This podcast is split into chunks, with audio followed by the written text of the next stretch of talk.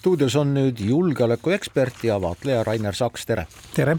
Ukraina sõda on lahinguväljal paraku jõudnud justkui sinnamaale, et me ei kõnele sellest enam väga igapäevaselt, kui just mõned ohvriterohked raketirünnakud välja arvata. kas seal on mingisugune talveunelaadne seisund? no see võrdlus on selles mõttes täiesti kohane, et, et kuna on talv ja ja pealetung nagu, mida Venemaa siin üritab nagu alates oktoobrikuust nagu kuidagi käima saada, ei ole käima läinud. et ja ka Ukraina pool ei ole suutnud nagu noh, oma, oma okupeeritud territooriumi kuidagi vabastada, siis jah, nagu näiliselt see nagu rinne püsib paigal. aga määravaks saab see praegu nagu igapäevaselt, kui suured on siis kummagi sõdiva poole kaotused.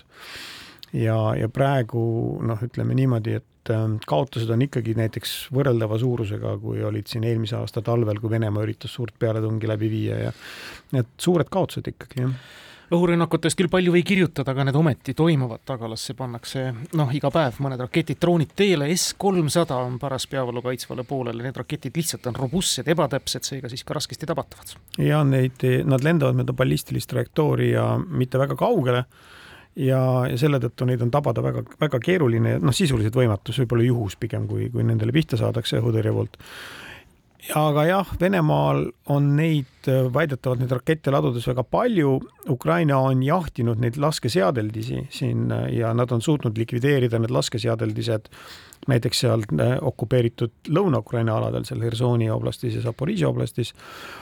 ja Krimmiski kohati, aga kahjuks jah, seal põhja pool äh, Venemaa territooriumil, Ukraina lähedastes piirkondades siiski Venemaa saab nendega tulistada veel Ukraina territooriumi ja selle vastu tõesti Ukrainal praegu nagu ei ole õnnestunud midagi tõsist ette võtta. Lääne ajakirjandus on viimastel päevadel olnud paiguti pessimistlik, äh, noh, viidates sellele, et Ukraina seisib, seisab silmitsi vajadusega mobiliseerida sadu tuhandeid sõdureid ja riigil on probleeme liitlastelt abi saamisega ja olen näinud ka selliseid äh, arvamusavaldusi seal, et äh, umbes kahe kuu pärast peab tulema pööre Ukraina kasuks, muidu jääb venima. Ega seda ei oska ju keegi ette ennustada. ei oska. Ja tõepoolest nüüd on noh, kuidagi on seda lääne suurt ajakirjandust, mis seda sõda kajastab, on tabanud nagu mingisugused nagu sellised ähm, ma nimetaks neid siis ennustuste lained, kus üritatakse üksteist erinevatest stsenaariumitega, no võib-olla mitte üle trumbata, aga siis äh, noh, on erinevad erinevad teadmata allikad, kes siis nagu pakuvad erinevaid versioone ja praegu nagu domineerima on jäänud siis nagu selline arvamus, et kahe tuhande kahekümne neljanda aasta jooksul Ukraina ei suuda vabastada oma territooriumi, aga kui ta nagu kaitses hästi vastu peab ja suudab uued üksused ette valmistada, et võib-olla kaks tuhat kakskümmend viis, no mina ei oska nii konkreetseid ennustusi teha, see on tõesti võimalik üks stsenaarium. selge on see, et Ukrainal äh, ei sobi hästi väga pikalt sõdida, tegelikult ei sobi ka Venemaale Venemaa praegu pingutab selle presidendivalimiste nimel, et, et see kõik näeks välja nagu, et trumbid oleks Vene, Venemaa käes. aga tõepoolest nagu selline üldine arvamus on see, et Venemaal on ressursse rohkem, järelikult sõja venimine tuleb nagu Venemaale kasuks. no võib nii olla, sõltub sellest, kuidas Ukraina toetamine jätkub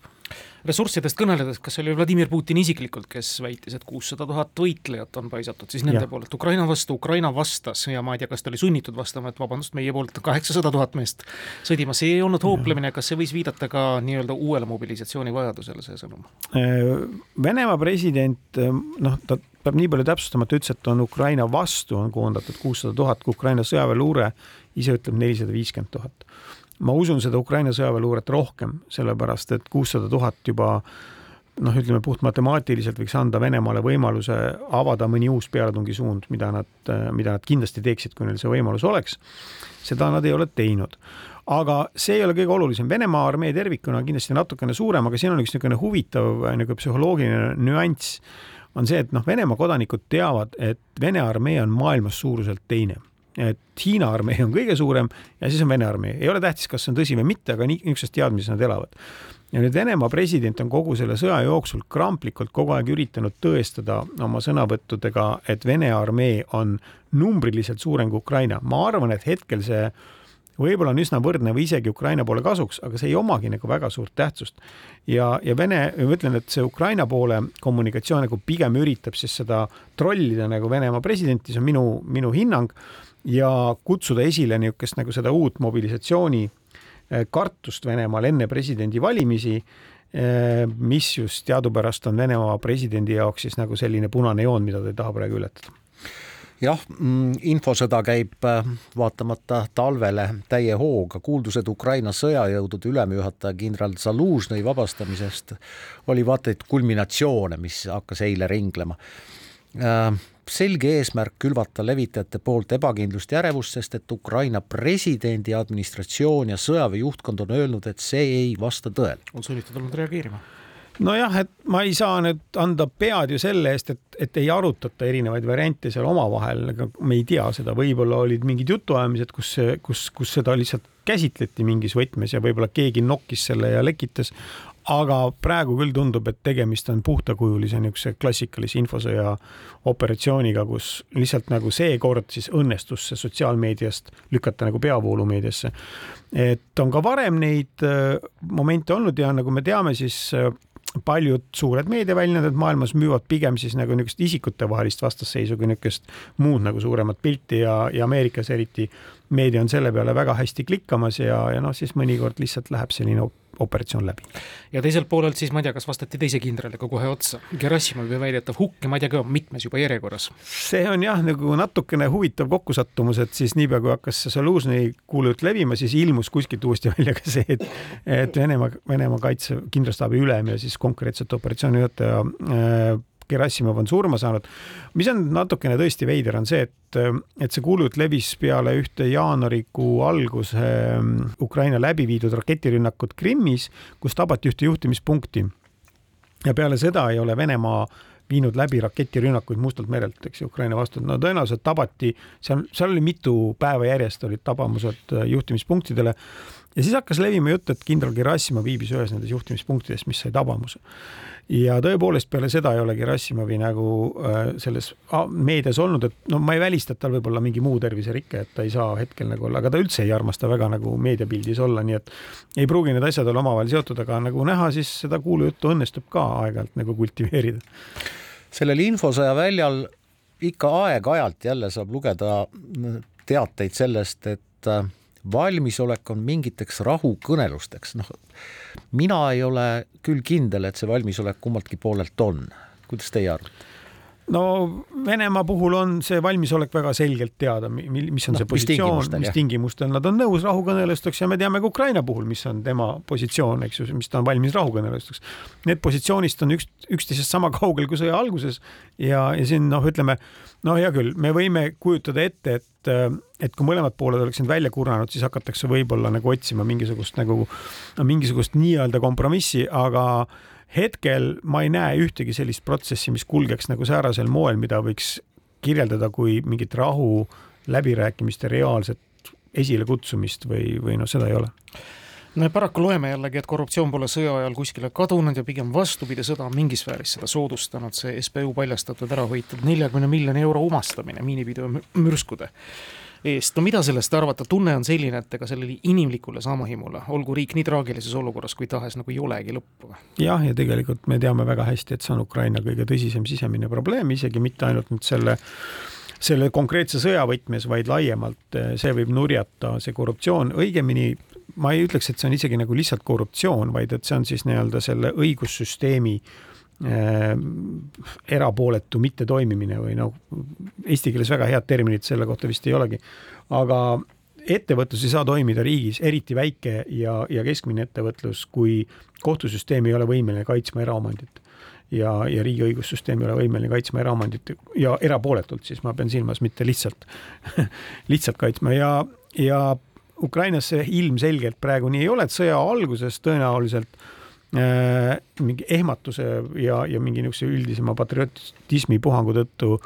tõmbus kogu see probleem natukene tagasi, aga lisaks äh, korruptsioonile, tähendab seda korruptsiooni võimendab veel see, et nad ei ole suutnud oma bürokraatlikku süsteemi reformida nagu kaasaegsemaks. ja siin on noh, nagu ka väga palju probleeme peidus, nii et nüüd sõda on kestnud piisavalt pikka aega, nüüd tulevad need uuesti selgemini välja. ja ma, ainuke, mis ma saan öelda, et mis on positiivne, on see, et noh, presidendi administratsioon on asjast aru saanud ja no tundub, et SBU ka siiski ei ole teinud siin ühte näidiskaasust, vaid et, et see on ikkagi nagu tõsisem, tõsisem lähenemine kogu protsessile. Euroopa Liidu pidur, Ungari on surve all, nende välisminister kohtus Taga-Karpaatias oma Ukraina kolleegiga, väidetavalt on ettevalmistamisel ka Ungari juhi Orbani visiit Ukrainasse ja kohtumine Zelenskiga, kui see peaks niimoodi tulema, siis Ungari ilmselt muudab meelt ja ülemkogu eraldab ka viiskümmend miljardit abi Ukrainale, kas kas seda võib ka liigitada nagu infosõjaks või olen ma liiga positiivne ja, ja vaatan Ungari poole natuke pehmema pilguga kui varem? ei, ma arvan, et on täiesti selles mõttes, ütleme, kuidas ma, kuidas selle kohta nüüd nagu siis, kuidas seda olukorda nagu katsuda defineerida, et ma olen ka pigem seda meelt, et üritatakse Ungarile pakkuda võimalust tulla sellest patiseisust nagu ise välja viisakalt ja nagu omal initsiatiivil. Et nad ei peaks nagu siis talama, taluma nagu kokkuvõttes seda alandust, mis Ungariga juhtub, sest no mul on niisugune tunne, et äh, Euroopa no ütleme siis vähemalt need no, mõjukamad suuremate riikide juhid on kuidagi omavahel jõudnud arusaamisele, et see Ukraina rahastusotsus tuleb igal juhul nüüd ära teha lähimatel siin, ma ei tea, kas nädalatel või, või kuu jooksul ja, ja Ungarist no ma ei tea, kas sõidetakse üle või minnakse mööda, nagu maitse asi, kuidas seda defineerida, aga, aga Ungari taha see asi nüüd enam kinni ei jää. ja selle tõttu noh, Orban, kes ei ole üldse rumal inimene, noh, võiks nagu taibata, et see on nüüd nagu see koht, kus tal on võimalus ise see asi kuidagi ära korraldada, sest no ma usun, et ta üritab Ukrainalt kaubelda välja mingisuguse sammu selle noh, Taga-Karpaatia ta vist on autonoomne oblast siiski, eks ju. tal on mingi väike autonoomia, et, et seal siis võib-olla teha mingi vastutulek, aga ma ei, ma ei oska nagu öelda, sest ukrainlased on olnud üsna hellad selles suhtes. ja, ja ka teised, ega, mis on Orbani vaieldamatult kõige nõrgem koht, et äh, kaks korda sõditi valel poolel, kahekümnendal sajandil jäädi ilma väga suurest äh, territooriumist ja ja no ei ole võimalik Äh, hakata esitama pretensioone mitte üheski suunas, selles mõttes, et nii, nii Slovakkia, Rumeenia kui Serbia puhul on see kõige lihtsam viis minna, minna ikka totaalselt tülli uuesti oma naabritega. suur tänu tulemast ja julgeolekuekspert ja vaatleja Rainer Saks asju taaskord kuulajatele selgeks tegemast. palun